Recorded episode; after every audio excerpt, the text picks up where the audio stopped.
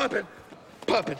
Puppet! Listen here, Alexander. You, you, we can't let you go on. Your shoulder's dislocated. We're going to have to stop this thing, right, Coach? You did your best, Alex. Catherine, take her to medical. No! Puppet, Tommy. Shit, Tommy, Puppet! Do it! Do it! Do it! Ah!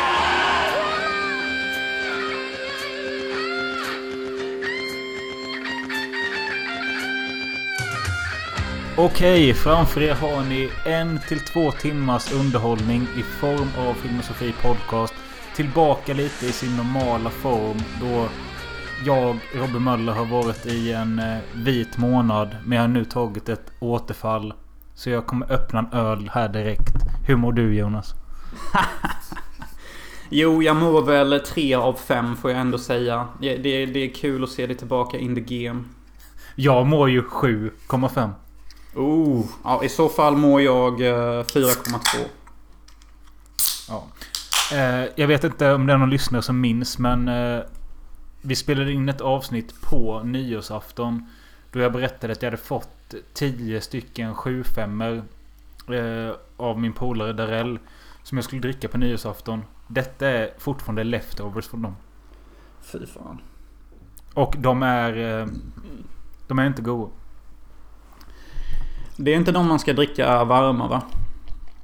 Nej, det är Arbogen. Just det, för de kallas varmbogar. Ja. Just det, just det. Nej men en, en virtuell skål.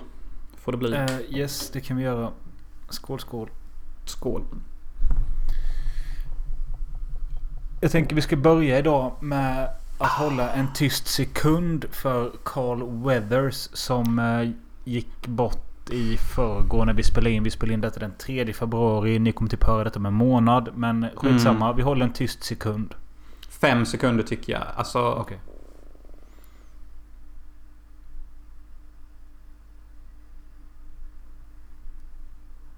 Okej Ja, Weathers. Men han... Eh,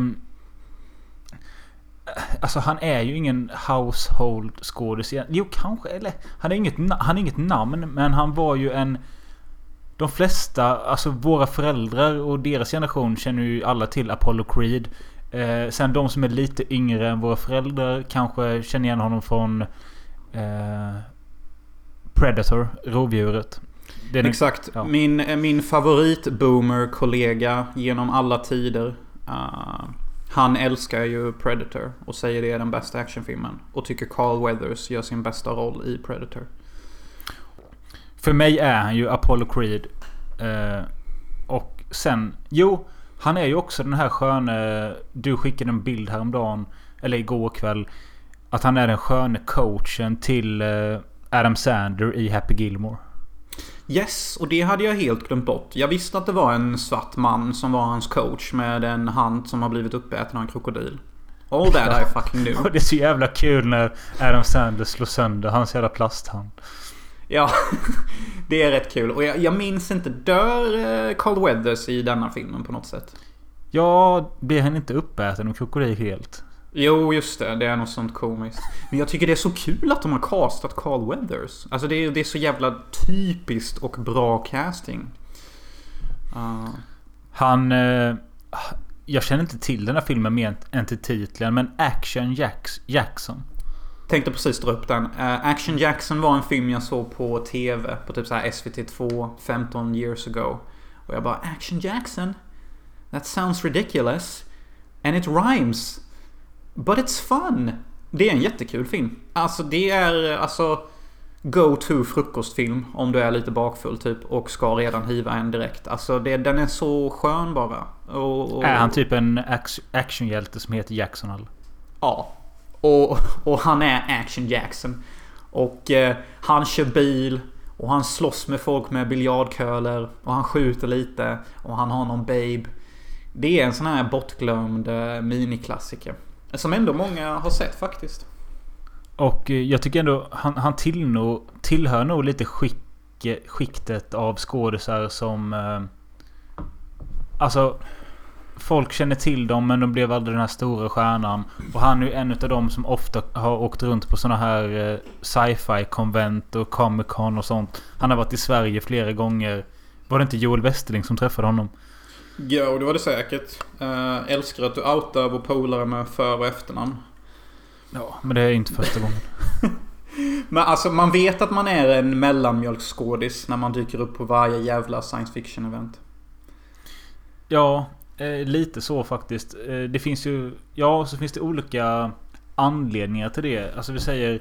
Kristina Lindberg brukar också dyka upp men hon... Eh, det känns ju mer som att hon gjorde ett aktivt val att lägga av för att... Äh, jag vet inte, jag kommer inte ens ihåg hennes historia men det bara känns så medans en sån som Carl Weathers och Edward Furlong. Eller Carl Weathers kanske bara inte fått tillräckligt bra roller så att han blir fortsatt bli ihågkommen.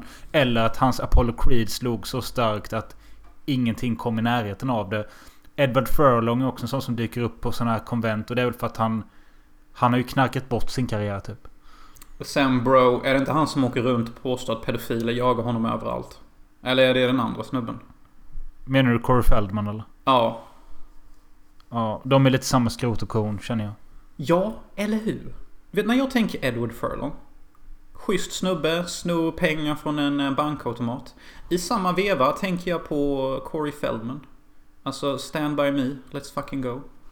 Ja, och de båda hade lite gemensamt att nu i vuxen ålder så ser man bara genom att titta på deras ansikten att de har varit med om grejer som inte är bra och de har Mm. levt på ett sätt som inte är hälsosamt. De ser liksom skadade ut i själen, i ögonen. Shit vad jag älskar att du poängterar det. Det är inte vanligt tycker jag att du lägger märke till sånt. Eh, och jag håller helt med, i- med i din analys. De, de såg ut som de såg för hemska saker för tidigt i deras ålder. Ja. Skitsamma, men eh, något sista om Carl Weathers. Eh, Eh, jag, ja, jag tycker ju att Rocky 3 är en av de svagare Rocky-filmerna. Men slutscenen som är klassisk när de står i ringen och ska göra en vänskaplig match. Är en klassisk scen som jag alltid tyckte om. Jag skickade den till dig igår. Ja, jättefin scen du länkade där Robin. Eh, speciellt när jag trodde att han dör i tredje filmen. Men det är ju faktiskt fjärde. Uh, och alltså bro. Alltså can we just please for the love of God bring back bromance i filmer? For fuck sake. Please. Jag, jag bönar att få se mer straighta jacked. Alltså jacked. Alltså Apollo Creed är ju jacked. Och Arnold, nej inte Arnold. Sylvester är också jacked. Och de har värsta bromance-stunden. I didn't hear no bell. Ding ding. Och så... Du, You wanna du har fight? Rätt, du har rätt i det att... Eh, det var väl mest så här macho-par på 80 och 90-talet. Det, det jag kom på nu, det som handlar om bromance. Då blir det ju ändå lite åt... Eh, Brokeback Mountain-hållet. Nej men ja, men jag, jag tänkte på I Love You Man. Den är, ju, den är ju fin. Och de är ju män. Och de är straighta. Men relationen behandlas ändå lite som en romcom typ. Ja, det är, alltså, alltså det är en romcom I Love You Man. Med ett gender swap och bromance applikation. Men du har helt rätt. De- Det är inget träningsmontage i I Love You Man. Nej. Det är inget ding ding you look fucking jacked bruh. Let's fight. Men vad har vi för fightfilmer nu för tiden? Alltså är- är det inte lite att de har liksom förlorat... Jag talar bara röv nu för jag känner inte ens till dem men... Det känns bara som att fightingfilmer nu, de, de saknar charm och är för seriösa.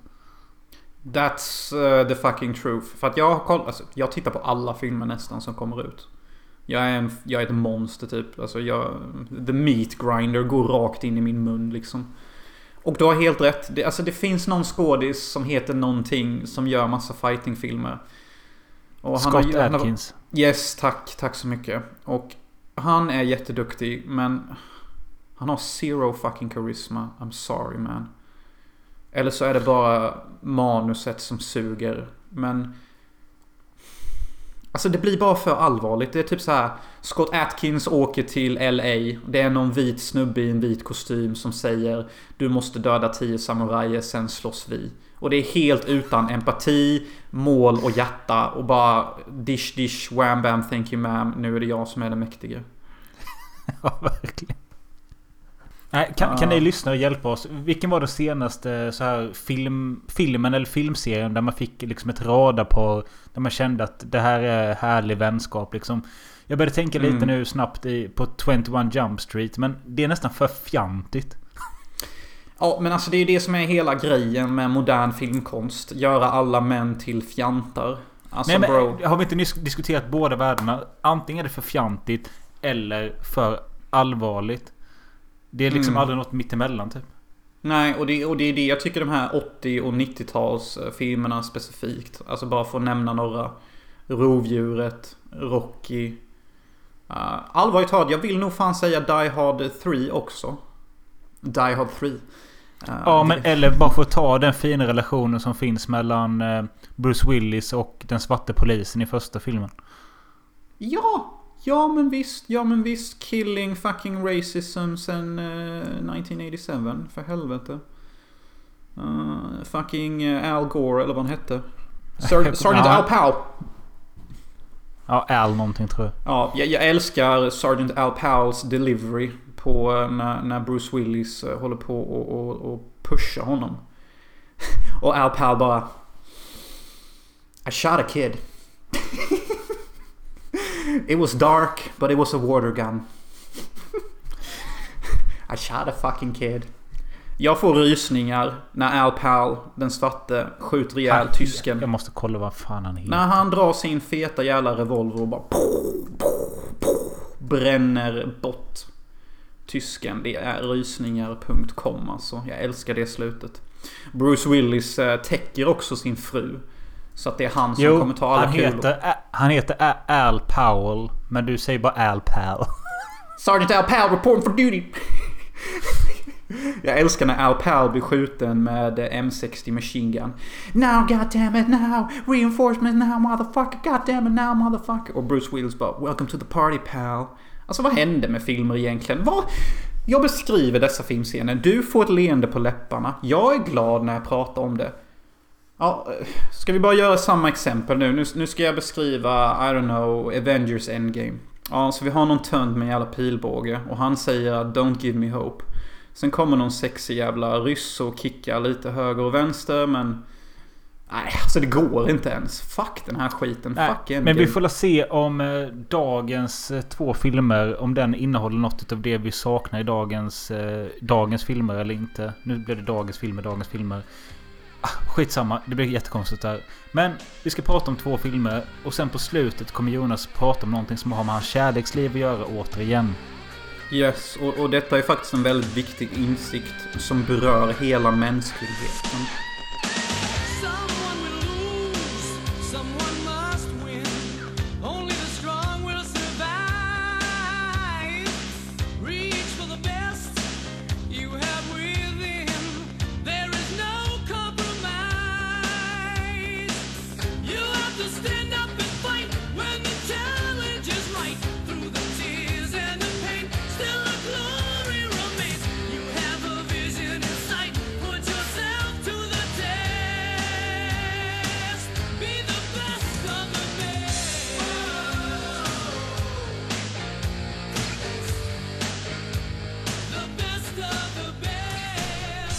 Rullar när vi ska snacka om... Ja, det är faktiskt... Detta är verkligen rullar. Det är typ inte filmer, det är rullar.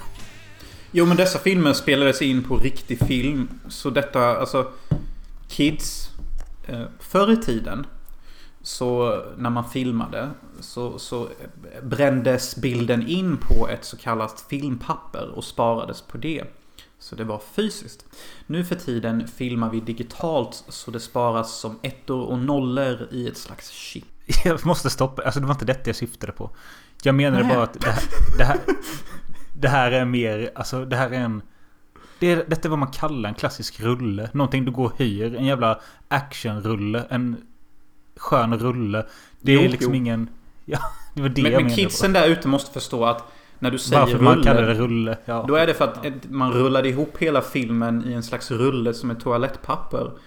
Och sen så satte man in detta toalettpappret i någonting som kallas en projektor. Sen så rullade denna projektorn ut 24 bilder per sekund. Och det är vad vi kallar film. Ja. Och eh, Best of the Best. Om vi ska ta en kort... Eh, förhistoria till detta så grundade det sig i att när jag var 10-12 Gay. år så, så visade min eh, kusin eh, Emil eh, han Sin hade en, penis. Ja, och den smakade salt och hallon. Men i alla fall. Så hade han inspelade filmer. Det var typ... Det var Rocky kanske typ två och han hade Best of the Best och någonting till. Och, Och sen hade han- se- En han- deras inspelade filmer där hemma var Best of the Best. Och eh, jag vet inte om det stod eh, under titeln Best of the Best på kassetten. För det var inspelat från TV. Eller om det stod under den svenska titeln Karatemästarna. Wow. alltså, jag hade jättegärna velat sitta i rummet där de kom på svenska titlar från typ 1940 till 1990. Vilka det var som bestämde det och hur de kom fram till det. Det hade bara varit kul. Ja, Ja. Men hur som helst. Där såg jag den här filmen första gången. Tyckte den var väldigt bra. Sen gick det några år till. Sen gick den på... Ja, TV400, kan- TV6, någon sån kanal visade den här första filmen. Då såg jag den igen. Och sen vet jag... Det, detta kan vara till samma veva som du, jag och grannen var i stan för att se den svenska filmen varannan vecka. Mm. Året är 2006 eller 2007. mm, Och eh, innan dess har jag typ fått min första tusenlapp eller något i födelsedagspresent. Och jag har tusen kron, kronor. Och jag går in och köper Dario Agente-boxen med nio filmer. Visste inte ja det gjorde du. var. Det gjorde du. Det var så mäktigt tyckte jag. Och Best of the Best-boxen. Eh, för att jag hade sett den första filmen som yngre. Och bara wow, det finns tre filmer till. Jag måste se dem. Eh, så jag brände liksom min, min födelsedagspeng på de här två boxarna. Ja men du brände det på kultur fan i mig. Det gjorde du. Och, och, och jag, Och jag, köpte... du, du köpte... Vänta, säg det inte. Du köpte Highlander va? Mm, Nej. Yes. Jo, Ja. det gjorde jag faktiskt. Det gjorde jag. Det minns jag. Jag köpte Highlander. Och så köpte jag, och detta är ett av mina stoltaste köp. eh, Peter Jackson-boxen med fem av hans tidigare filmer. Ja, I hardbox-kartong. precis. Oh. Eh, Hur många innehåller- utgåv... Den som innehåller dokumentären Good Taste Made Bad Taste. Ja, och jag är jättenyfiken. Hur många hardboxes på den boxen kom det? För att jag har aldrig sett en hardbox på det. Och alla boxar jag sett på denna är bara fyra filmer. Så vilken jävla tusenutgåva fick jag tag i egentligen? Det har jag alltid undrat. Ja, jag tror jag sett eh, den du har en gång till på nätet. Men den känns rare jämfört med den jag har. Mm, mm. Och sen så minns jag också att vi lottade om vilken film vi skulle se när vi kom hem till grannen. Och jag vann så vi såg Highlander, ni två hatade den. Sen så såg vi någon annan film som jag inte minns. Nej, jag minns inte heller det andra. Och jag minns inte vad grannen köpte eller om han köpte något heller. Men... Eh, jag tror jag redan då... Alltså, jag är ganska säker på att detta var 2006 eller 2007 För att varannan vecka gick på bio då. Det var den vi såg. Ja, det minns jag Eh. jätteväl att vi såg den. För att den har så tydliga Matrix-parodier och sånt. Men det är, så, det är så kul med, med sådana här minnen att det är sådana tydliga kopplingar liksom mellan bion och just filmköpen man gjorde den dagen. För det Jag var ju minns- inte ofta Det var inte ofta man hade varit själv i Halmstad innan. Nej, nej. Och, och vi, vi var ju typ 14-15. Det är ju inte en chans att man skulle skicka iväg ungdomar i den åldern till en stad nu för tiden. Och jag kommer Eller? ihåg att en, enda anledningen till att jag köpte Dario Agente-boxen med nio filmer var för att jag hade läst på Lunarstorm filmforum Oh. eh, att eh, Suspiria är en bra häxfilm. Och jag hade alltid velat se en häxfilm. Jo, det är... Jag Men vill det var, inte den typ av, det var inte den typ av häxfilm jag eh, ville ha. Så jag fattade Nej, du- typ ingenting när jag såg den. Du vill väl ha Birka och Mattis som typ rullar runt i en gryta med någon jävla stråhatt eller någonting? Ja, precis. Nej, exakt. Jonas drar en referens till en film jag själv har gjort. Ja, med en häxa. Um, men alltså... Hur många häxfilmer finns det egentligen? Tre? Blair Witch Project kanske. I guess. Men den är I inte så guess. mycket häxa heller. Nej, det är det jag menar. Alltså, den, den bästa häxfilmen jag vet är ju för fan... eh, Every road leads to fucking Oz. Ja, the, the Wizard of the Oz. Och eh, det finns en nej, nej, nej, nej, nej. 80-talsfilm som jag tror handlar, om- handlar om en häxa som heter Superstition. Och för att inte glömma 2015 eh, The Witch. Ja, men vet du vad jag kan bli förbannad på? Okej, Att är för alla lite, att det är vet... för lite häxa. Ja, nej men alltså allvarligt talat, alla vet hur en häxa ser ut. Krokig näsa, eh, stråhatt och så svart kåpa och åker på en jävla käpp eller kvast eller vad det är. Okej, det är en mental bild alla har. Varför får vi inte den häxan då för helvete? Måste det alltid vara något konstigt tricks till allting? Kan, kan, kan inte en häxa bara vara en häxa? Måste hon vara typ någon utomjording eller något? You, you, Det finns you nå- know what I'm coming from? Ja, men det finns någon som heter Häxorna från Eastwick. Men det tror jag lite mer är en komedi. Ja, se, se. Ja, det, det är också ett problem. Hur som helst. Jonas såg eh, att jag köpte den här boxen och eh, läste väl redan då på baksidan och tyckte att eh, baksidestexterna på DVDn var löjliga och roliga. Och vi har pratat om dem ett par gånger genom åren här i podden. Bara för att Jonas har fastnat vid det. Jag tycker det, det är så fucking kul. Ja, men det kommer inte bli lika... Det kommer inte bli så kul när jag nu istället för filmtipset läser upp baksidan på DVDn. Det kommer bli roligare på de senare uppföljarna. Mm, det är sant, det är sant. Oscars-nominerade Eric Roberts spelar Alex Grady. Ny kapten för amerikanska karatelandslaget. Ska få bland annat den disciplinerade Tommy Lee, spelad av Philip Ree, och den fanatiske Travis Brickley, Chris Penn, att samsas. Varje medlem har sin egen orsak för att tävla och är från början skeptiska till Grady. Efter hård träning och inbördes maktkamp lär sig teamet att de måste vara en enhet om de ska vinna över det listiga koreanska laget som är försvarande världsmästare och som inte är rädda att använda smutsiga tricks. I det nervpirrande och överraskande slutet inser männen vad som krävs för att bli best of the best. Som den hårde tränaren ses Oscars-nominerade James Earl Jones, känd från klassiker som Lion King och Coming to America.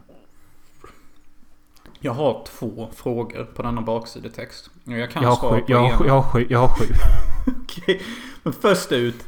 På, på, på vilken jävla planet tycker mänskligheten att Eric Roberts och James Earl Jones förtjänar en Oscars-nominering? Och jag tror jag vet vilken film Eric Roberts har fått det för. Och det är den där jävla fäktingfilmen som jag ändå tycker om rätt mycket. Nej, det är för eh, Runaway Train som jag sagt, sagt åt dig att se, men du har aldrig sett. Ah, är han med i den? Okej, jo men den ska jag se. Det kommer jag göra. Me. James Earl Jones vet jag inte. Eh, James Earl Jones är ju mannen som låg bakom rösten till Darth Vader. Men i alla fall. Jag tycker den här baksidestexten är ganska missvisande på så sätt att... Eh, eh, Eric Roberts spelar Alex Grady, ny kapten. Det fattar jag inte ens att han är för laget. Han är jag inte det. Och Alltså- att han ska, få, han ska få de disciplinerade Philip, eh, Tommy Lee och den fanatiske Travis Br- Brickley att samsas. Och varje medlem har sin egen orsak för att tävla. Ja, skitsamma, skit i den. Vi får säga vad vi känner om filmen istället. You can work. You can sweat. You can train. You can dream and never be better than good.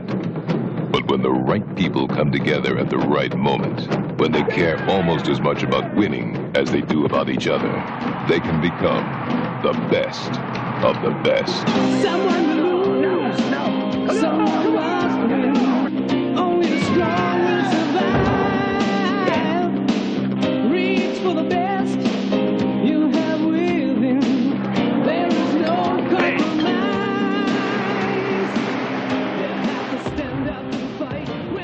Enligt mig så handlar detta om eh, fem olika snubbar som alla håller på med kampsport. De eh, går till någon eh, slags uttagning till att komma med i det amerikanska landslaget i karate eller taekwondo.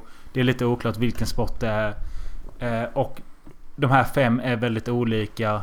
Men lär sig att som ett team så kan vi vinna. Det är väl typ det. Ja, alltså det det. Och så har vi James Earl Jones som typ är hård som fan mot dem. Och typ eh, träna or die liksom.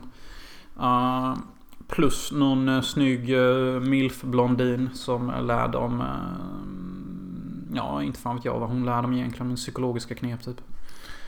Om vi ska börja lite med Eric Roberts karaktär Alex Grady. Får redan i början se att han jobbar med metall i någon fabrik till hård gammal rock'n'roll. Jag älskar detta. Alltså, alltså... Man vet att man tittar på skön film fri från politiska agendor när man börjar så här. Svets, bilar, fuck you, goodbye, I'm gonna get drunk tonight. Inget tjafs, inget skrufs. En man som jobbar och vill dricka och knulla liksom. Nothing strange here. Och eh, han... Eh, han eh, bor hos sin mamma. Eller något sånt. Eller hans mamma tar i alla fall hand ofta om eh, Eric Roberts son. Som heter Walter. För att eh, Eric, Robert har ju, Eric Roberts har ju också ett eh, annat trauma i livet. Och det är att hans fru har dött. Eh, för vi måste bygga mer karaktär till den här karaktären. Och eh, ja, så hans fru är död och han bor hos sin mamma eventuellt. Mamman spelas för övrigt av eh, Louise Fletcher som är Evil Nurse i Gökboet. Oj då, är det hon? Shit, det är så sjukt. Jag minns inte ens det här att han bor hos sin mamma. Jag vet inte om han bor hos sin mamma eller om det bara är, att eh, mamman passar hennes barnbarn då medan han och jobbar. Och en annan grej. Eric Roberts är äh, maffia-snubben i The Dark Knight förresten. Som åker runt i limousin och äger, äger den där klubben bara så att ni kids kan hänga med.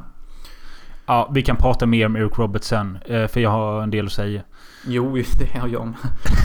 Men... Eh, eh, och sen har vi då en...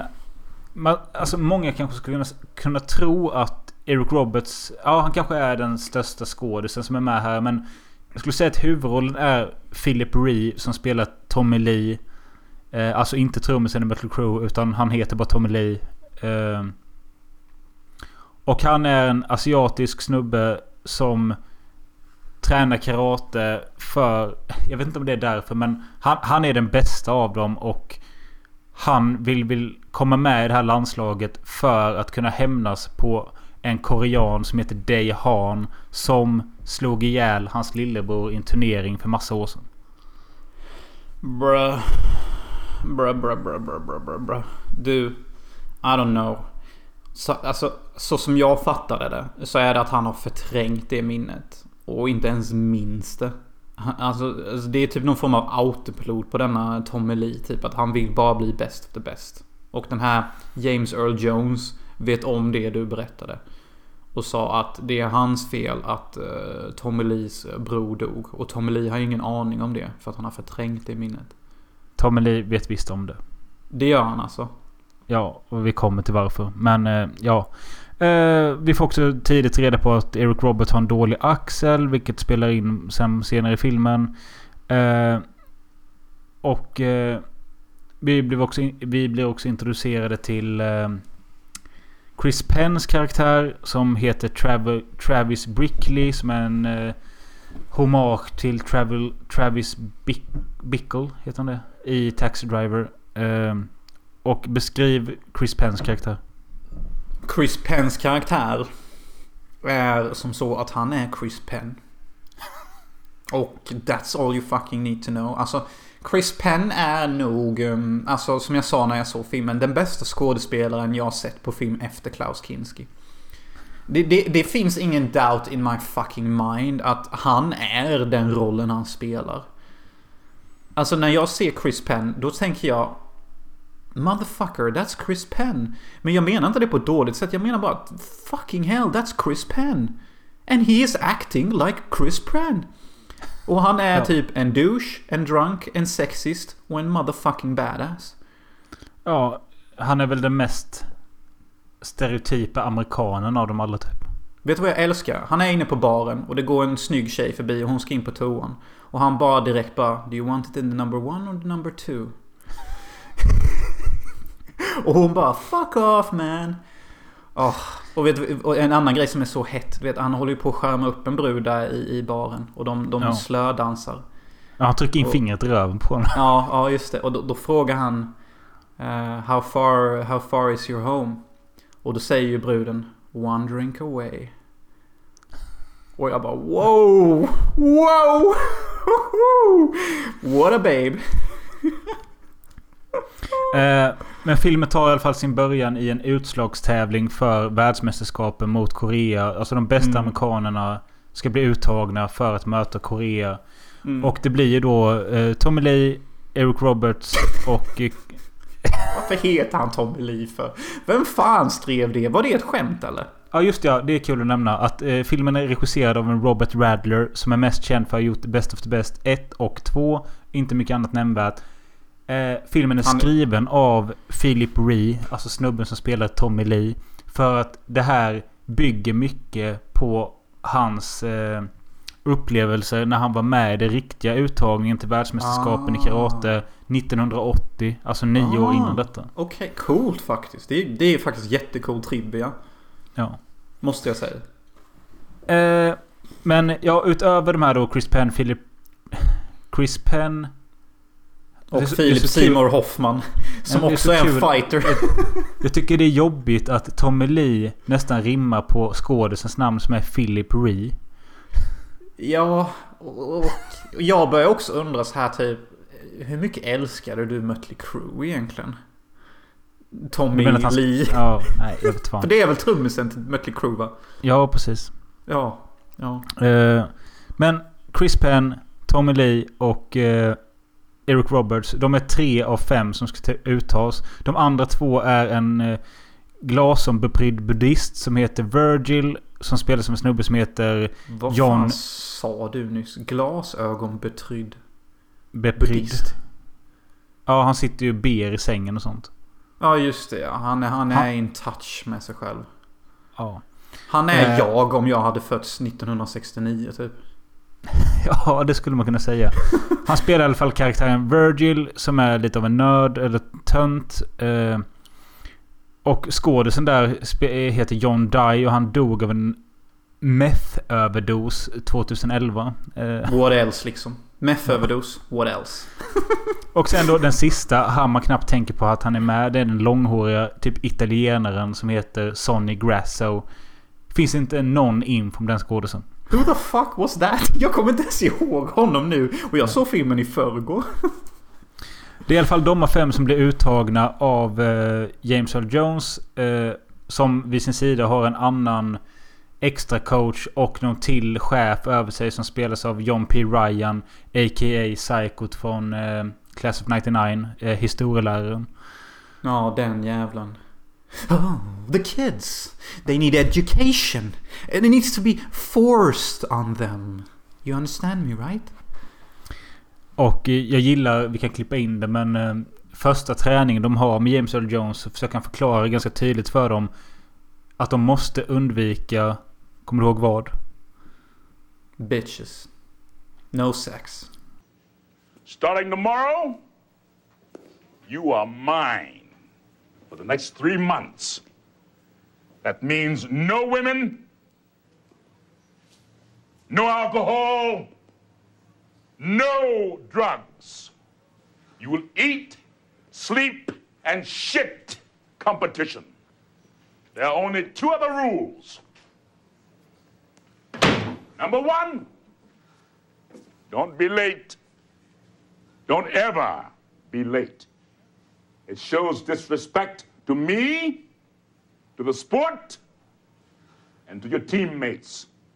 Two, we expect you to function as a team.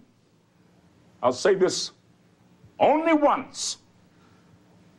A team is not a team if you don't give a damn about one another. You are now members of the U.S. National Karate Team. Ja, men jag kan fan stand behind that. Vad sa Rockys tränare om brudar Robin? Vad sa han? Uh, kommer inte ihåg. They make your weak's leg or your loins weak. Ja, just det. Ja, Någonting sånt. Och det är fan sant. Kvinnor gör en mjuk. Okej? Ja. Eh, Och det är inget dåligt med det. Absolut inte. Men... men det, det är i alla fall klart. De blir laget. De blir coachade av den här hårde coachen som... Han har... Han är typisk coach med att han är hård men... Han har en agenda. Han har en... Han har ett hjärta också där inne någonstans. Jo, jo, men alla som är hårda mot någon är det oftast på grund av empati, typ. Och efter de har bildat sitt lag och haft lite träning så ska de ge sig ut på en bar. Och där kommer min favoritscen som barn. Och det är när det blir en barfight. Jo, denna scenen är faktiskt min favoritscen också som vuxen. Då det är första gången jag ser filmen. Men jag tycker denna barscenen är fantastisk och det är ett perfekt exempel på bra... Bra manus. Jag är skitchockad att denna scenen har så bra manus och resten av filmen är väldigt taffligt skriven. Egentligen, seriöst. Kul att du säger det för en kritiker skrev en recension om filmen när den kom att... Eh, Yet another Rocky clone and an appealing waste of talent. A top drawer cast in a search of a script. Mm, jo men lite, lite så. Och denna barscenen är jättebra. Det är också kul att den här glasögonormen... Eh, det här ger hopp till alla som har autism. Och det ger hopp till alla som är överintellektuella. Att det finns faktiskt tjejer där ute som tänder på krångliga ord och konstiga typer. Uh, den här glasögonormen snackar ju om... I don't fucking know vad han snackar om. Men han snackar om rymd och tid. I don't know. Och bruden bara direkt efter bara I know. I know exactly what you're talking about. Det, det är ett fint exempel på att det finns fan kvinnor där ute för alla sorters personlighetstyper. Du behöver inte ha fet kuk och, och, och, och ha ett sixpack och 10 miljoner. Det hjälper. Allt det hjälper. Speciellt Big Dick. Men you don't fucking need it. Den som startar den här barfighten är självklart Travis, alltså Chris Penn. Eh, för att han är på en upptagen brud. Och eh, brudens man spelas av Kane Hodder, a.k.a. Jason Voorhees i film 7 till X. Jason X. Mm. Det tycker jag är en kul detalj att han är med.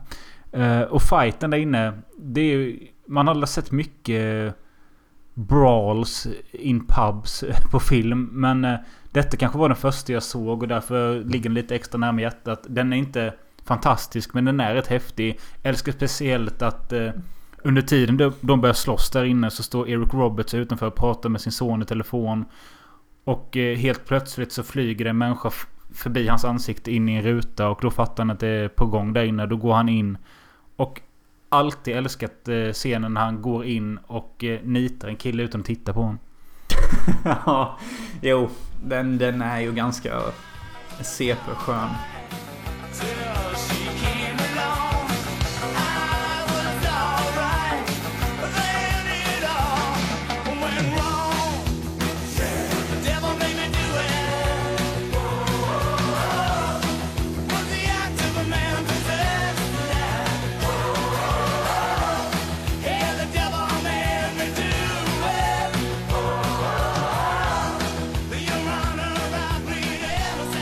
Också kul att coachen James Earl Jones kommer dit. Sätter sig och bara kollar hur de här killarna sköter sig som ett team i, i en barfight.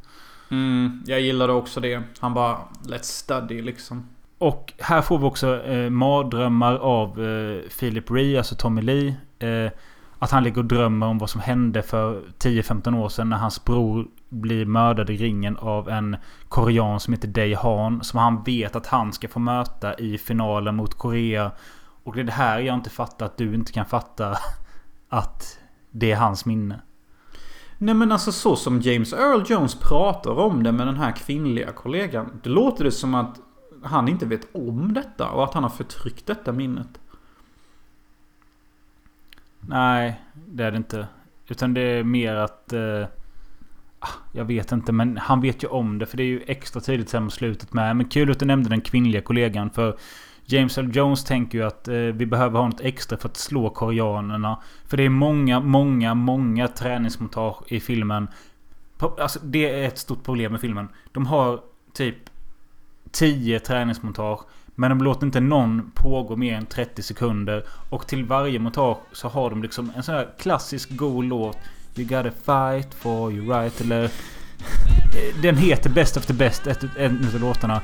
Och den, den ligger bara dovt i bakgrunden och håller på i 30 sekunder. Du hinner inte komma in i känslan. Det är liksom ingen... Eh, inget rockmontage precis. Nej, nej, nej förvisso. Men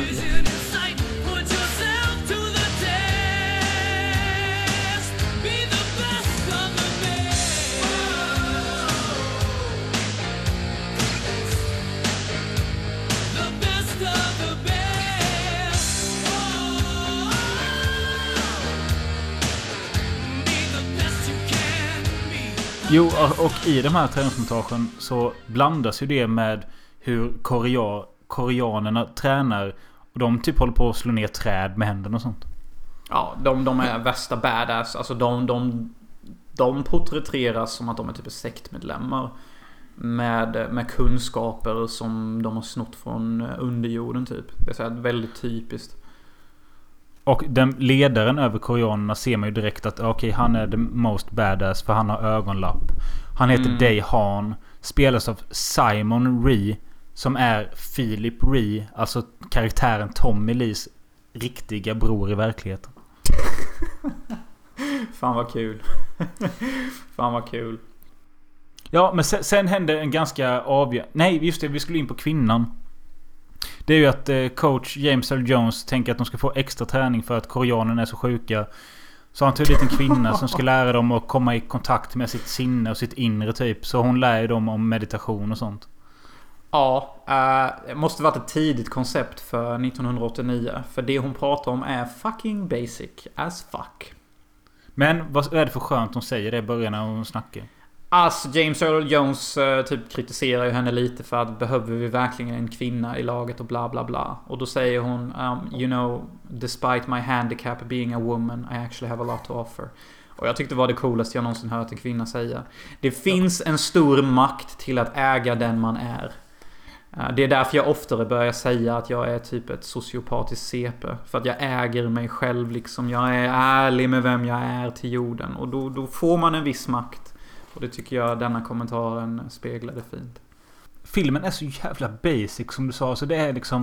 Okej, Ica Basic. Det- 1989, karatefilm. Vi behöver ett lag. Okej, vi har laget. Vi tränar. Det är dags för slutfight. Däremellan behöver vi någon form av konflikt. En utav det är då att Tommy Lee har den här konflikten med den bästa koreanen. Och en annan är att mitt under träningen och närmare matchen så får vi reda på att eh, Eric Roberts son Walter har varit med om en bilolycka och ligger i koma. Mm, mm. Så han måste ju lämna teamet. Och där tycker Mm. jag fan att coachen eh, James Earl Jones är lite väl hård. Om du lämnar då är det i princip som att du säger hej då. Om du tycker att din jävla son som är på väg att hamna i koma är viktigare än att besegra ett gäng koreaner. Fuck you and fuck off typ. Det är det James Earl säger. Ja. Och jag, jag tycker detta är ett underbart tillfälle till att ta upp en väldigt viktig sak. Och det är Eric Roberts fucking acting. Jag vill nästan ge ett pris till Eric Roberts. Uh, jag vet inte vad jag ska kalla priset, men låt mig förklara vad jag menar.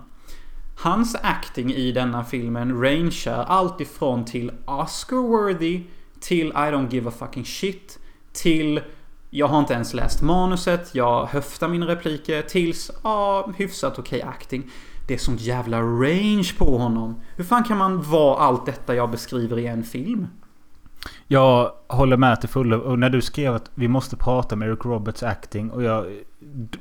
Just då kollade jag på filmen med och då började jag tänka mer på det. Och det är precis som du säger att... Hade någon sagt Tycker du Eric Roberts är bra? Jag vet inte. Nej, nej, för i vissa scener så dyker han verkligen upp som att han skiter i scenen. Typ rycker på axlarna, säger en kommentar, kickar lite höger och vänster. Andra scener är han så fucking engagerad. Och typ bara okej, han går för Oscar liksom, han går för Oscar. Sen har vi en scen typ, ungefär näst sista scenen i filmen. Där han då bryter sin axel och måste slå den i led igen. Och då går han full retard acting. Alltså för, när de ska, för när de ska knäcka eh, tillbaka den här axeln i led. Och de gör det på honom. Eric Stoltz acting är suveränt. Inte Eric Stolt. Eller jag menar, fuck. Jag menar Eric Roberts acting är suveränt på alla fel sätt. För det är för bra. För när de knäcker tillbaka hans axel, då låter Eric Roberts så här. "Ah, ah." Och, jag bara, okej, det är säkert så man låter. Om någon knäcker till ens axel. Men bro, don't go full retard. Jag börjar skratta för helvete. Ja men likadant att han... Hur han hoppar omkring innan. Ja, och jag bara, det, det är jättebra skådespel men det är för bra. Vi kan inte ta det seriöst. Men vi är ju också värdelösa att ta filmer i kronologisk ordning. Vi har heller aldrig Oh, sagt ja. att vi ska göra det. Men skitsamma. Det här med just den här scenen. Det är ju något sånt som... Jag, jag såg lite på en YouTube-film innan. Eh, där personen i fråga sa att Best of the Best är inte världens mest ihågkomna film. Men frågar du någon som är uppvuxen på 70, 80, 90-talet. Om man bara säger Pop It Tommy. Då vet de vad man pratar om. För att det blev så ikoniskt. Jag tror fan det är jätteikoniskt. Alltså det, det skådespelet Eric Roberts gör, alltså jag, jag vek mig typ. valuable points that Grady's earned so far. Slow down. You wanna quit now? No, I don't know. Two minutes. Do it, Don. Pop it. Pop it. Pop it. Listen here, Alexander. You, you, we can't let you go on. Your shoulder's dislocated. We're going to have to stop this thing, right, Coach? You did your best, Alex. Catherine, take her to medical. No! Pop it, Tommy. Shit, Tommy, pop it. Forget it, Alex. It's over. Do it. Do it. Do it.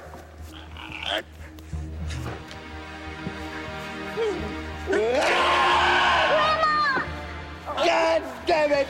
Tape it up! Tape it up! If I know it's over, I can hold him up for 30 seconds. God damn it! I said tape it up! Ladies and gentlemen, I've just been informed that there will be a two-minute injury time. Men eh, om vi ska hoppa tillbaka lite till filmens handling. Så efter han lämnar. Han får självklart komma tillbaka till eh, laget eftersom annars vore det en konstig film.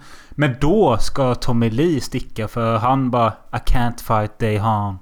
Ja, och då, då säger Eric Roberts bara well, well if you're just gonna go, then you're a fucking asshole. Och det är typ så här 3 out of 5 acting. Det är typ det är en av de dagarna du bestämde dig för att typ bara half-assa ditt acting. Vi ser det Eric Roberts. Vad fan är det med dig egentligen? Alltså bro, du har fått en roll, du får cash för det. Var lite jävla jämn i ditt skådespel för helvete. Du... Och du vet en annan sak. En annan sak. Han besöker... Okej, Eric Roberts besöker sin jävla komason. Och han ligger i koma. Men sen så går han tillbaka till laget. Och du vet dagen de ska fightas mot koreanerna. Ja, då sitter hans son i publiken. Helt frisk. Helt fri från problem. Och vad säger Eric Roberts när han ser sin son? Oh hi! You're here! Och det Nej, är men allt! han Han, blir- säger ju han- inget mer. Han är inte ens glad över att se sin son ju. Jo, men han tackar ju sin coach. För han säger bara Vad fan gör Walter här? Och då fnissar James Earl Jones lite bara att jag, jag tog hit honom för din skull. Jo, men sist Eric Roberts såg sin son så låg han ju för fan i koma och var typ halvdöd. Och, och, och Eric Roberts bara Oh hi! My son is here! Like it doesn't fucking matter typ. Och jag bara, Ja, det och det är det jag menar med Eric Roberts acting typ att bro, du, du, du betedde dig som att din fru och familj blev mördade i förra scenen. Och nu när du ser honom så är det som din gamla stoner-polare från mellanstadiet. Ja, tjena! Vi brukade röka på. Ska vi ta en joint efter matchen? Ja, visst. Hej då. Eh, men även Tommy Lee kommer ju tillbaka efter han har fått eh, åka iväg och vara lite James i Twin Peaks. Åka iväg på sin motorcykel och bara se bitter ut. Alltså, det är så jävla fabrikerat alla dessa problem på något sätt. Det är ju jättesvårt att ta detta seriöst alltså. Och så hör han någon jävla 80 sång och så vänder han tillbaka biken eller... Äh, äh, vad fan, säkert något sånt. Eh, och sen är det då dags för den stora finalen och... Eh, jag kan väl tycka att... Jag vet att filmen var medvetet gjord som PG-13 för att den skulle slå stort. Att många skulle se den. Den skulle bli en succé. Den hade en budget på 6 miljoner dollar. Den drog bara in 1,7 miljoner dollar på bio. Däremot Oh. sålde den som smör på video sen. Jo men detta är en sån här typisk videohyrfilm. Alltså detta är en typisk som du beskrev innan. Alltså pizza, four brewskis, some mates, let's have a good time typ. Eh, Men vad tycker du om den här själva slutfinalen? Eh, Först är det väl eh, de här Virgil och Sonny som man glömmer av. Och sen är det Chris Penn som... Just det, han miss, de har ju övat tidigare under filmen genom att slå igenom stenblock. Mm. Och det är väl det han failar på. va? Ja, ja. Nej, alltså egentligen det finns inte så mycket att säga här. Väldigt standard. Uh, bara, bara fight typ. Det enda, det enda som är, inte är standard är just att eh, de här eh, korean, koreanerna har ju fått reda på att Alex har en dålig axel. Så därför smäller de den ur led medvetet. Och det blir den klassiska Poppet Tommy. Och sen eh, är det dags för Tommy Lees sista match mot Day Han. Där han självklart får flashbacks. Och man ser när flashbacken börjar. När man ser Tommy Lee som barn. Och han håller en, eh, en eh, kulglass. Så ser man att den kommer åka i golvet. Ja, och, och... Alltså jag... Kulglass. Som berättartekniksknep. Vad tycker man egentligen? Ja, men det funkar ju säkert de första tio gångerna. Ja, det är, det är ju just det. Och sen, vad tycker vi om bovar med ögonlapp egentligen? Samma sak där. Det funkar Ja. de första tio gångerna. Men jag vill också säga en annan sak. Eh, kommer det funka tio gånger igen Jag vet med inte. ögonlapp? Det, det svaret är ja och det, det är därför det egentligen inte är ett problem. Alltså det är som du säger, eller jag sa, det är en hyrfilm. Take what you Ja. get and give nothing Men- back. Sista fighten är ändå speciell. Om vi tänker att skådisarna är två bröder och i filmen då så har den onda dödat den godas bror. Eh, och sen slutar det ändå med att Filip, eller vad säger Tommy Lee spöar skiten ur honom men väljer att inte slå ihjäl honom. För han vill inte hamna på hans nivå. Och sen reser sig Day Han, alltså den onda, och säger att jag ser dig som min bror. Och så blir allting jättefint. Det är något sånt, jag måste ändå säga att jag tycker faktiskt om slutet. För att koreanerna vinner ju tekniskt sett enligt eh, spottens regler. Med ett poäng. Men precis som i Rocky 1 så förstår ju publiken att ja, men egentligen så vann ju amerikanarna för de visade mest grit och, och fighting spirit. Och jag tycker detta är ett jättebra slut för koreanerna överlämnar sina medaljer till amerikanarna i slutet. Och det är faktiskt, jag vet inte om jag har sett det i en film innan och det kändes fan skitbra för att Alltså det är en win-win. Det är det. För- För att amerikanarna vann egentligen, tycker jag. Och eh, asiaterna erkänner det. Ja, och jag satt, satt och tänkte så. Är det för cheesy eller funkar det? Och jag slutade med att det funkar. Ja men det är såklart det funkar. För att Eric Roberts karaktär, trots att han förlorar eller någonting, han, han, han slutförde fighten med sin brutna axel. Det tycker jag är en victory i sig. Och precis som Tommy Lee innan, han dödade inte sin eh, motståndare trots att han kunde. Det är också en victory i sig. Och det är det filmen försöker trycka på att att aldrig ge upp är en victory. Och att visa nåd inför sin fiende är också en victory i vissa lägen. Dock pratar ni med en skorpion här. Jag skulle aldrig visa nåd för min fiende. Jag hade spöat och dödat honom snabbare än den här glassen hade ramlat på marken. Men jag är inte Tommy Lee. Jag är Jonas Hansen. Och jag tror på hämnd. Okej, Tinder-profil. eh, men överlag då, vad har du att säga om den här filmen som jag har nämnt i 20 års tid? Att eh, jag önskar typ jag hade sett den när du köpte boxen. För att jag tror jag hade haft en mer good time om jag såg den typ i högstadiet när du faktiskt köpte boxen. Uh, Ja. Men det känns skitkul att se den nu igen måste jag säga. Ja, det tycker Se den nu, punkt. Inte igen. Ja, just det. Se den för första gången. För det är alltid kul att besöka en film från the good old days som bara är the good old days och inget mer. Ja, och jag känner, jag har ju sett den många gånger förr. Men det var ändå länge sedan nu och eh, jag tycker fortfarande den håller om man är beredd på vad man ska få. Eh, den har inga spektakulära fightscener egentligen. Det är bara att det är ett Nej. gött häng typ. Ja. Nej, det enda spektakulära filmen har är barscenen. Uh, den är välskriven, väl koreograferad och... Ja, den håller ännu. Resten är väldigt 80s. And it should stay in the 80s.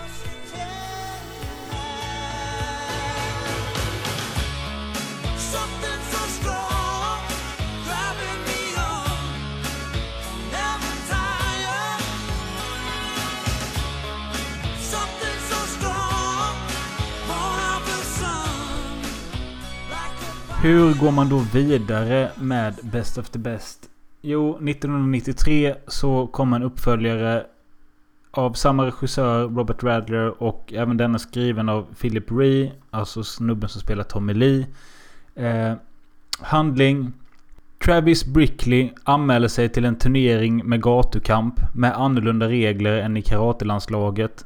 Massor av pengar är inblandade och i en kamp mördas han av motståndaren Brackus som är en riktig gatufighter.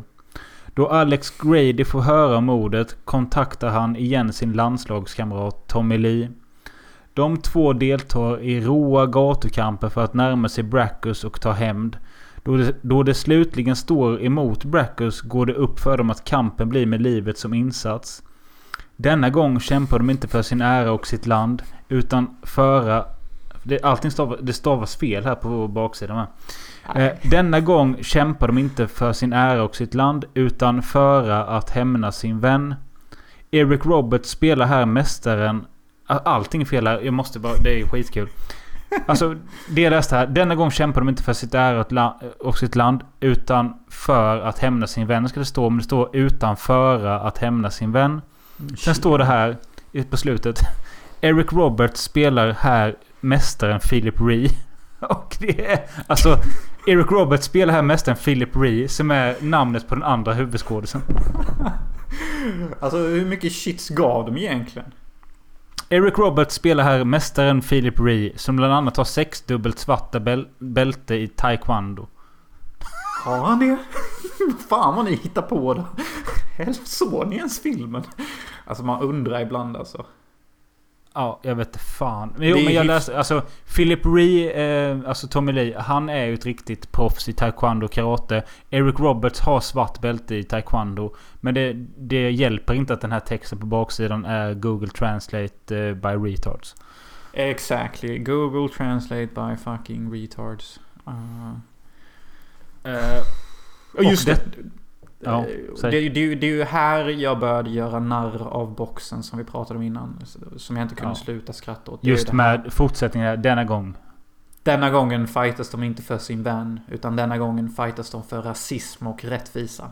Och denna gången fightas de inte för rasism och rättvisa. Denna gången fightas de för kommunismens uppfart. Denna gången fightas de inte för kommunismens uppfart. Denna gången fightas de för sin döda flickvän. Alltså, det är så det pågår hela tiden i varje uppföljare. Uh, jättekul Eh, tycker jag. Den kom 93 och eh, här är... Eh, ja, Travis, alltså Sean, Chris Penn. Han har gett sig in i en underground-turnering som är i något, något de kallar Colosseum. Eh, Jag ska knäppa. Chris Pens ära faktiskt. det, det, det jag sa till dig innan du startade filmen sa jag att ja, det enda jag minns är liksom att den är mer underground och mer hård typ. Mm. Det är den också. För att liksom i första filmen det är, det är en genuin sportfilm. De följer regler. Och det är sport liksom. Denna är liksom... Ja, gladiatorerna. eh, I... Uh, Mad Life as your fucking gamble. Jag vet inte om det beror lite på att det kom en våg av sådana här filmer. Jag kan inte exakt årtal. Men jag menar Kickboxer, Bloodsport och Ja. The Quest. Eh, Jo, alla ja, tre The med Van Damme. Ja. Där är ju alla tre sådana här bara underground fighter till döden. Men det var fan det jag älskade. För att, men alltså vet, jag tror nog Best of the Best startade lite detta. För Best of the Best failade stenhårt på bion. Alltså det är ingen biofilm. Alltså seriöst talat. Och det är inte Kickboxer eller The Quest eller någon av de andra du nämnde heller. När en fucking kickboxing, martial arts, mortal combat typ av film är i sitt bästa esse. Det är Bros before hoes, Pizza time and Brewskis in somebody's basement. Inte i en biograf med normala människor som går till normala jobb. Det är därför Nej. de här filmerna har så stor framgång just i detta årtionde när hyrfilm och sånt var så populärt. Och Am I wrong kul- or right? Nej, du är helt rätt. Eh, Yes. Och sen, jag tycker det är kul att eh, Chris Penns karaktär har gått... Okej, det gick bra för oss där i landslaget. Men nu känner jag att jag vill, jag vill testa på något nytt. Jag, jag kör de här underground-fighterna. Jag älskar Chris Penn i nästan varenda jävla film han är med i. För att det är som jag sa innan, han är inte en skådis, han är Chris Penn. Och säger Chris Penn att han kan besegra en fet gladiator och att han har en fet dick och det är allt han behöver. Ja, då köper jag att du klarar det Chris Penn, men du kommer nog dö för du är en idiot. Ja, och eh, ganska så snabbt så... Eller, det är också så jävligt kul. Vi får också reda på att eh, eh, Tommy Lee och eh, Alex, alltså Eric Roberts, de har gått vidare och de har blivit eh, lä- lär karatetränare till knattar. Ja, Och, de är så jävla gay! Jämfört med Chris Penn som... Vi, han- Chris Penn tar ju tag i sin dick och bara du vet Det här är också stort med mig, fattar du det? Men eh, de är i alla fall eh, tränare till eh, Karate Kids. Varav en av barnen är Eric Roberts son Walter från förra filmen. Och jag tycker det är kul faktiskt att de kör samma skådis. Det är så jävla ofta man ser liksom att en 10-12-åring var med i en film. Sen försvann den. Eller så använde de en annan skådis. Men här är det, Det är faktiskt sant. samma pojk. Och, vet, och jag tror denna pojken var väldigt het just då. Eh, för att jag har för mig att han spelar sonen till eh, Christopher Lambert i Highlander 3. Okej. Eh, så han hoppade nog mellan produktioner rätt friskt. under en viss tid, denna lilla killen. Let's hope he wasn't butt raped. Det, jag tycker också det är, det är kul och kul. Men jag tycker det är bra i manusmässigt i alla fall att... Eller det kanske är typiskt, det kanske är klyschigt ändå. Jag tänkte säga att det är bra att Eric Roberts eh, barn inte är stjärnan i knattelaget. För han är ju den som misslyckas. Jo, men det gillar man. Men också, man fattar ju också lite att Eric Roberts inte är världens bästa tränare, typ. Alltså, Eric Roberts, alltså... Så som jag tolkar hans karaktär. Jag tolkar han på samma sätt som jag tolkar hans inställning till skådespel. Att ibland är han en jätteduktig pappa. Och vissa dagar är han bara medioker. Och vissa dagar skiter han i. Uh, för, det, för det är det intrycket jag får, typ. Uh, vi kan prata lite mer om Eric Roberts. Alltså, han, hans första film var... Eller första stora film var i alla fall Zigenarkungen 1978. Eller The King of the Gypsies. Uh, där jag tror också att han blev nominerad för någonting. Alltså 1978. Och sen dess... 1978. Då har han gjort 688 roller och har 89 kommande. What the fuck? Bro. Jag trodde typ du var broke.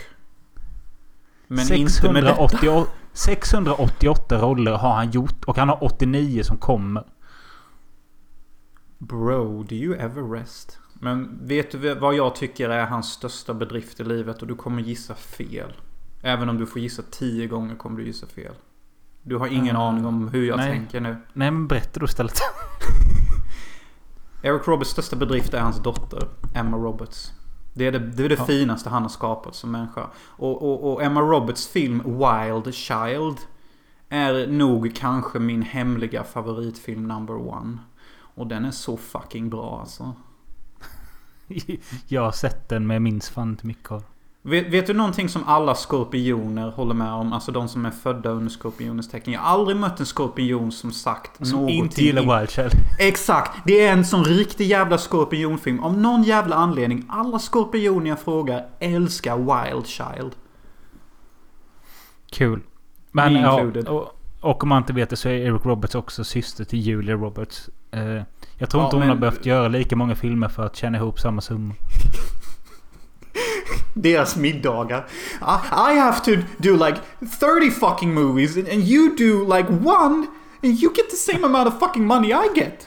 You Och nu har, han den, nu har han den diskussionen med sin dotter också. Ja, like I gave birth to you.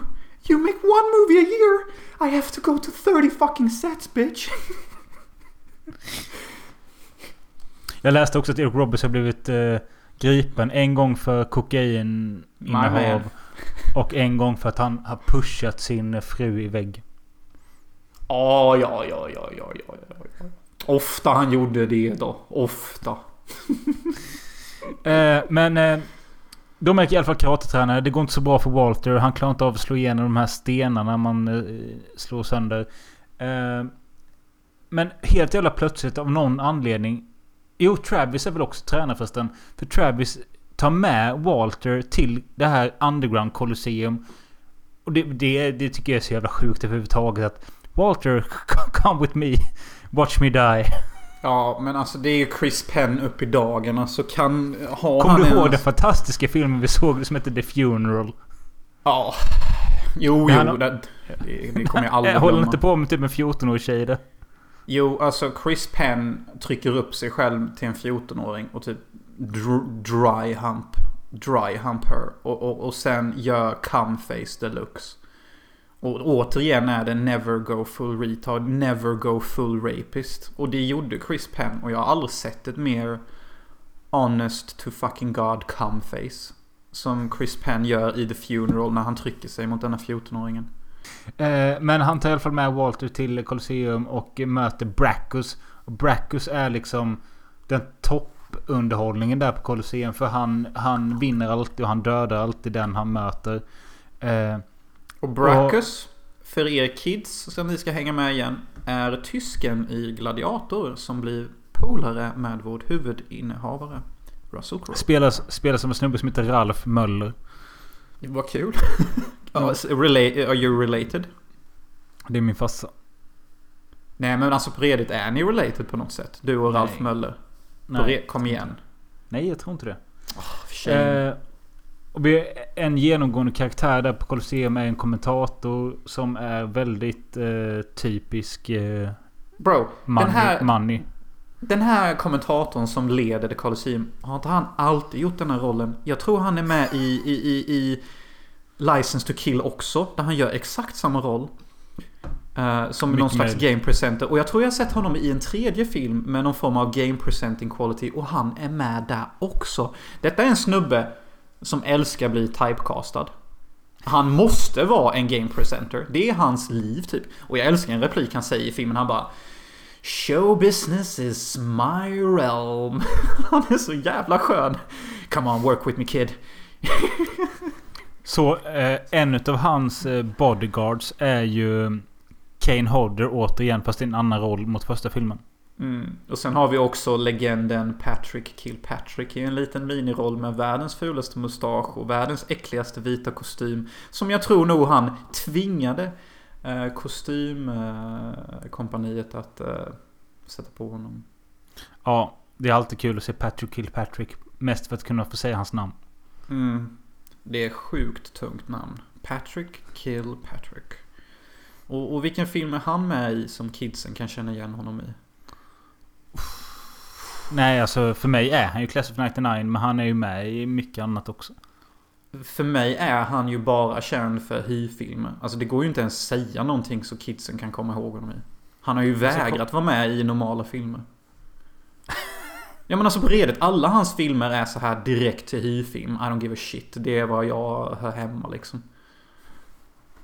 Ja men på redigt, han har inte gjort en enda känd film. Eh, har varit med i 62 filmer. eh, Minority Report. Ja Eh, shit, den med eh, Steven Spielberg, eller gjord av Spielberg. Jag visste inte att han var Toxic Avenger. Eraser med Schwarzenegger. med. eh, Last, Man, okej. Last Man Standing med Bruce Willis. Ja, just Eh, det ja, just det ja. Under belägring 2. eh, Replacement Killers. Death Warrant med Van Damme. Scanner Cop 2. Ja, det är ju Just det, sådana just det. filmer. Ja, Ja, det, är ju bara direct to DVD fucking... Dock i Last Man Standing har han en sjukt cool dödsscen. Han blir skjuten av Bruce Willis med typ sex skott och flyger seriöst talat 20 meter. I'm not making this shit up. Alltså han blir skjuten sex gånger och flyger bara... Han till och med gör en volt på... Jag hittar inte på. Alltså på Reddit. Jag kan länka dödsscenen när vi, när vi kör... Ni måste se det. Det är så fucking kul. Uh, men ja, Travis dör där mot Brackus i ringen och Walter ser detta.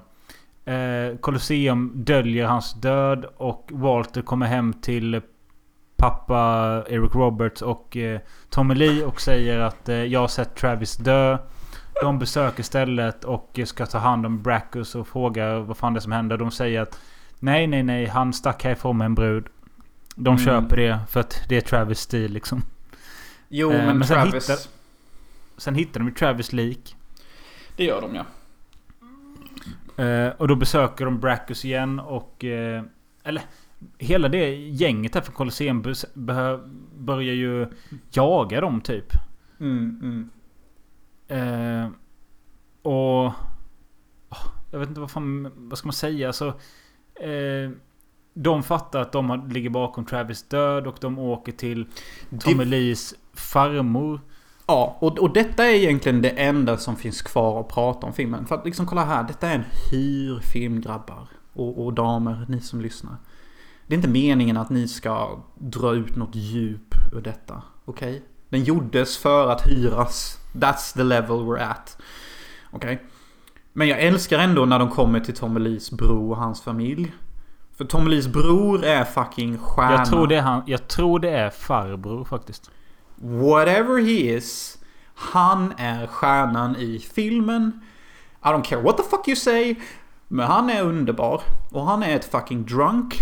Men han kan kick ass. Och han säger alla de rätta grejerna. alltså.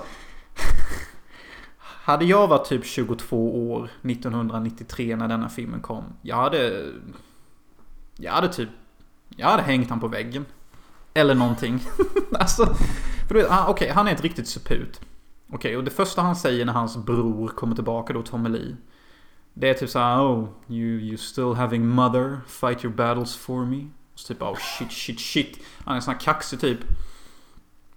Men Tommy Lee typ, han är ju nykter och han kan ju kicka kickar och hans bror eller farbror är ett fucking drunk.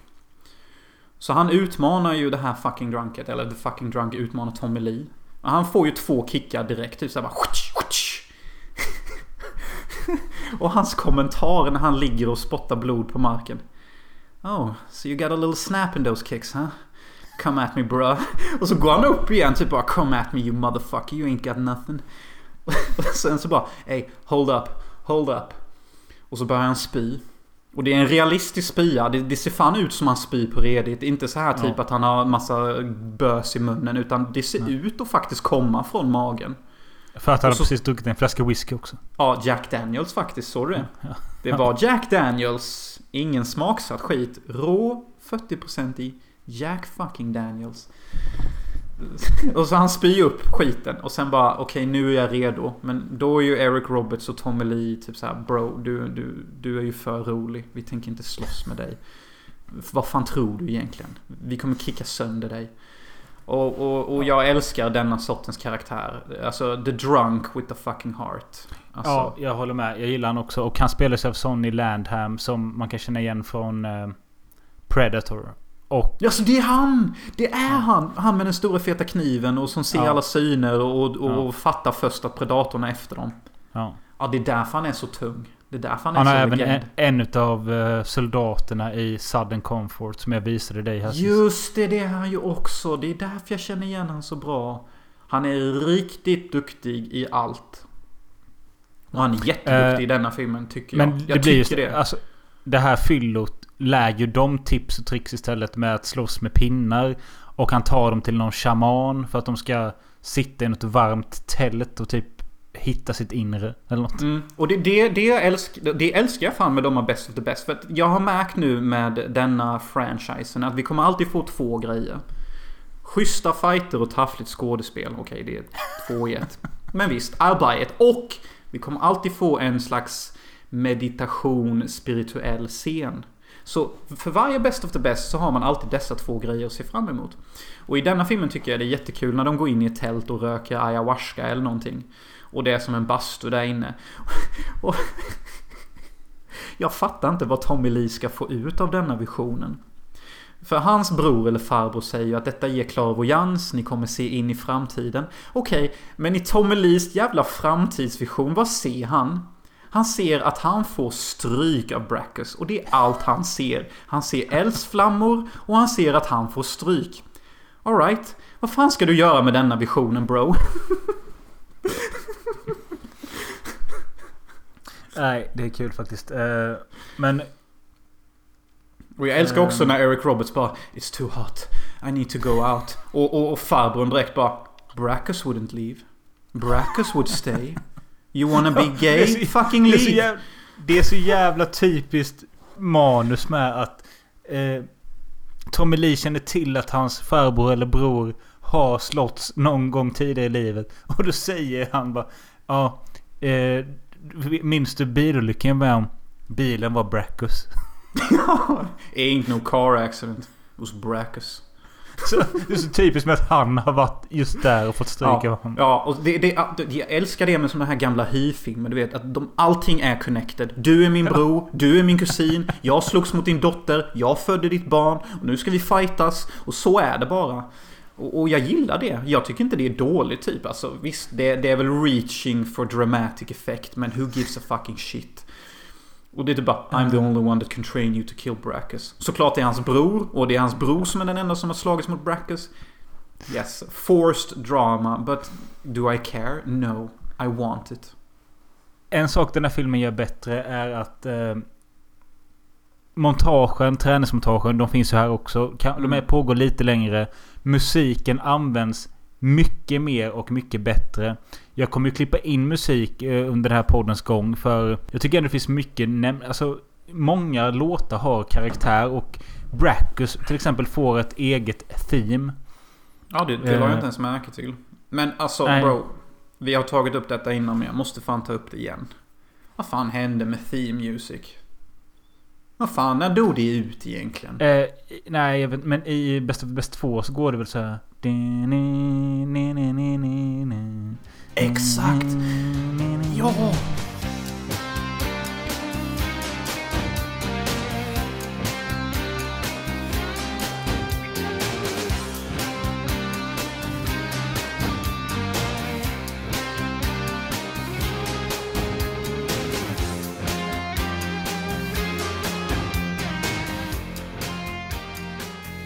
Förr i tiden fanns det någonting som kallades theme music. Det betydde alltså att mellan en och tre gånger så kom ett ledmotiv som var det så kallade theme för ett movie. Så när man hörde låten så visste man att det themet hörde till den låten.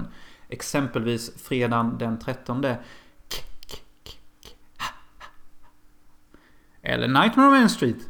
Dun, dun, dun. Dun, dun, dun, dun. Eller varför inte... Ja, ni fattar konceptet. Men we don't have that anymore. I don't even know what we have today. But it ain't fucking music. Ja, du har fan rätt i det. Det har också dött ut lite. Det är så jävla deppigt. Det är kanske därför jag reagerade så mycket den gången jag såg detta. Att... Eh, vad, vad, vad, vad kul och oväntat att låten kommer igen och igen och igen. Och det ska den göra. Ja. Alltså, alltså... Theme music är där att påminna dig om att ni ser en film. Och den här musiken är vad filmen handlar om. Alltså det, det är ett sätt för dig att bli huckad hookad i filmen. Ja, men också att det är så jävla lätt att göra... Säg två, tre themes till en film. Du gör ett upplyftande, ett dramatiskt och ett eh, sorgligt eller något sånt. Lägger du då det upplyftande i början när allting går bra och du vet att det, den musiken börjar tonas in i slutet. Då vet du att okej, du är på väg mot något euforiskt. Exactly. Fucking exactly. Och jag bara undrar. När sa en regissör eller producent att nej, theme music är gay. Jag vill ha, I don't know. Alltså jag vet inte ens vad vi har för musik längre. Ha, är det ens musik i filmer? Jag vet Vad har Dune för musik? Jag har inte sett Dune. Nej, inte jag heller. Eller jo, jag har ju. Men den är så kass att jag glömde bort den.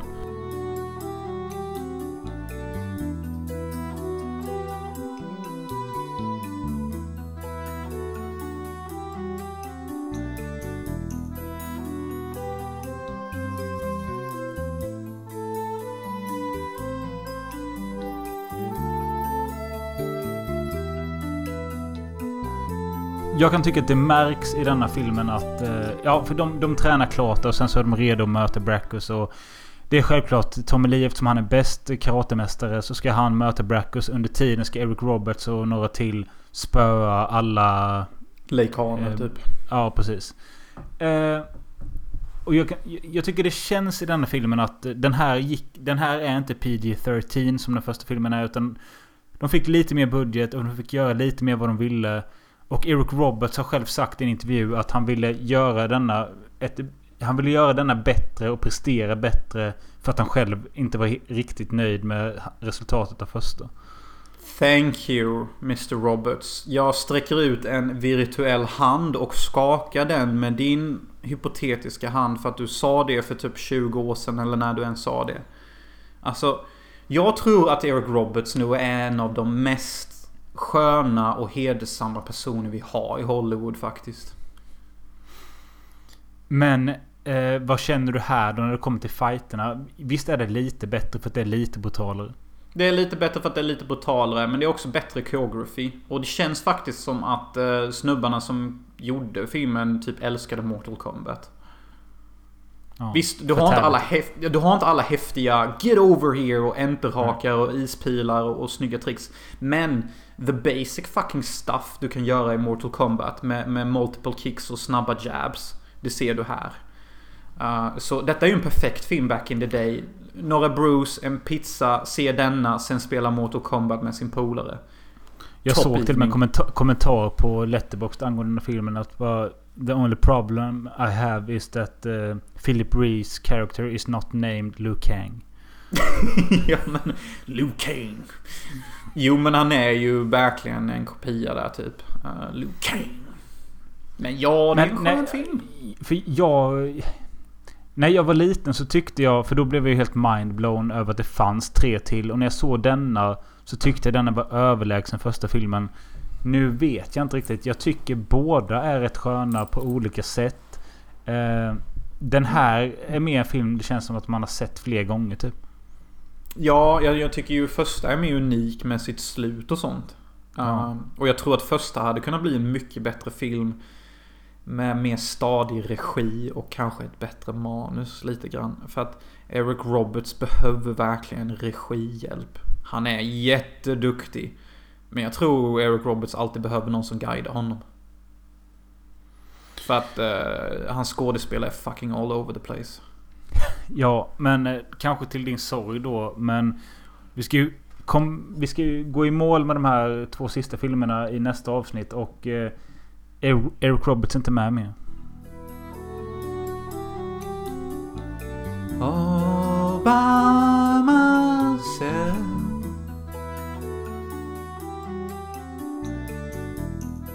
Jag tror inte man får någon förklaring till det heller. Men eh, det kan vara kul att jämföra i nästa avsnitt vad han valde för roller samtidigt. Ja. Tio stycken andra roller kanske. Har ni sett de här filmerna? För det tycker jag också man kan nämna innan vi lägger på faktiskt att det känns som filmer som för få har sett. Jag säger inte att de är fantastiska. Men de är fan inte mycket sämre än mycket annan skit som har fått bättre kultstatus. Nej, det håller jag med om. Alltså den, den ligger där uppe med Roadhouse och dem. Alltså, det, alltså Varje film har sin tid och plats. Så kan man säga nästan. Jo, jo, men vi säger Bloodsport och Kickboxer. De, de är typ lika bra eller dåliga filmer. Bara det att jag tror de lever kvar för att de har, har Van Damme som är ikonisk. Exakt. De lever, de lever kvar på grund av Adam. Men det är också så här. Eric Roberts. Glöm inte Philip Ree. Åh oh, just det, förlåt. Och Philip Ree. det, alltså, jag vet inte vad det är med dessa namn och deras insatser i skådespelarvärlden. Men Van Damme. Hans prestationer har fastnat mer med människor. Och det kanske är for good fucking reason. Min Så- pappa hatar ju Van Damme sen han fick reda på att... Eh, Han är 1,60 eller? ja, och att han alltid står på högre grejer. Ja, men undrar hur mycket han kommer hata Tom Cruise när han får reda på hans jävla längd och alltihop. Nej, men pappa hatar inte han på grund av längden utan på grund av att han, försö- att han eh, ger ett intryck av att vara längre än vad han är. Ja, men då säger jag återigen vänta tills han får reda på vad Tom Cruise gör för att framstå så lång. Eh, hur som helst, vi har pratat i en och en halv timme om Best of the Best 1 och 2. Det ska man inte göra. Eh, det är kul filmer, se dem. Eh, Mm. Eller skit i det. Yes, det håller jag med om. Men ni trogna lyssnare som har lyssnat så här långt. Ni ska faktiskt få en skattkista i form av visdom. eh, som har med eh, kärlek att göra. Yes. I don't even know if I should be talking about this. Eller säga det till allmänheten. Det är ingen som har tvingat dig. Nej, jag vet, men... På någon nivå tycker jag att det är viktigt. Så jag, jag kommer försöka vara ärlig men samtidigt kryptisk. Ehm, jag har i många år sagt, eller gjort uttryck av att som man har man en stor kärlek och därmed pesto. She's the one. Du vet Disney love. Ja. Ja. Och allting efter det är bara en kopia eller ett försök att försöka återskapa den första kärleken. Nu har jag äntligen insett att det inte är sant. Och jag... För den kvinna jag träffar nu... Tysken? Yes. Jag... Eh, jag känner att jag kan tycka om och älska henne mer än min första kärlek. Och det är en gut feeling jag vet är sann. Så jag vill bara nämna detta att till alla som inte kan komma över sin första kärlek. Jag vet nu för ett faktum att det går.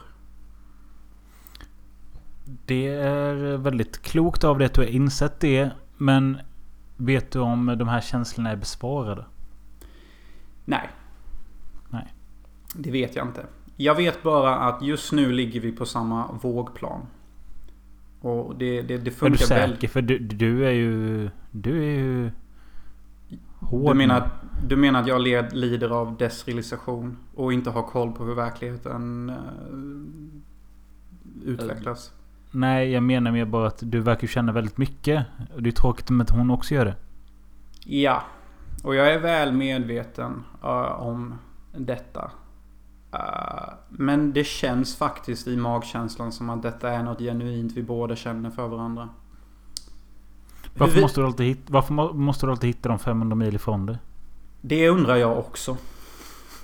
Det, alltså du anar inte hur mycket jag stör mig på detta. Jag, jag hade jättegärna träffat denna tysken på Malta och att hon bodde på Malta. Men eh, nu gör hon inte det. Hon var här på semester och vi råkade klicka bara. Men att hon bor i Tyskland är ju så fan mycket bättre än att hon bor i Sydamerika. Jo, det är sant. Eh, Om vi jämför destinationerna så är det ju för fan som att åka till världens ände och ett stenkast typ. Mm. Uh, men jag, alltså, oavsett om detta blir positivt eller tårar för mig så är det en victory. För att du... Ja, jag fattar. Jag fattar. Jag fattar. det är precis som i första Best of the Best typ att... Ah, det knyter ihop liksom att du vet... A win is a win. It doesn't fucking matter. Du kom över ditt ex. En kvinna du trodde att du skulle gråta dig till sömns varje dag över. Nu kan du äntligen säga att She matters fucking nothing anymore. Visst. Skulle hon dö, jag skulle bli jätteledsen. Okej, jag, jag brydde mig om henne jättemycket under en viss period. Och, och en del av mig älskar henne fortfarande. Men de romantiska aspekterna och, och vad mitt hjärta tycker om henne. It's dead. Okej? My heart belongs to someone else. Och, och det vill jag bara nämna här. Att den här Disney-romansen som jag levde i i alla fall. Är inte sann. Och jag vet det nu like a fact. Och som jag sa. Sure, I might be heartbroken. But whatever. Det finns en ny där ute i så fall. Jag vet att jag kan bli kär igen. En tredje gång, en Det- fjärde gång, en femte gång. Det är fina avslutsord. Exakt, och jag vill bara ge hopp till er där ute att glöm henne eller honom. And, and, and grow some cojones. And jizz in your pants. And go to the gym and make a new Tinder profile. Take some fucking coke. And become the fucking ultimate fighting champion.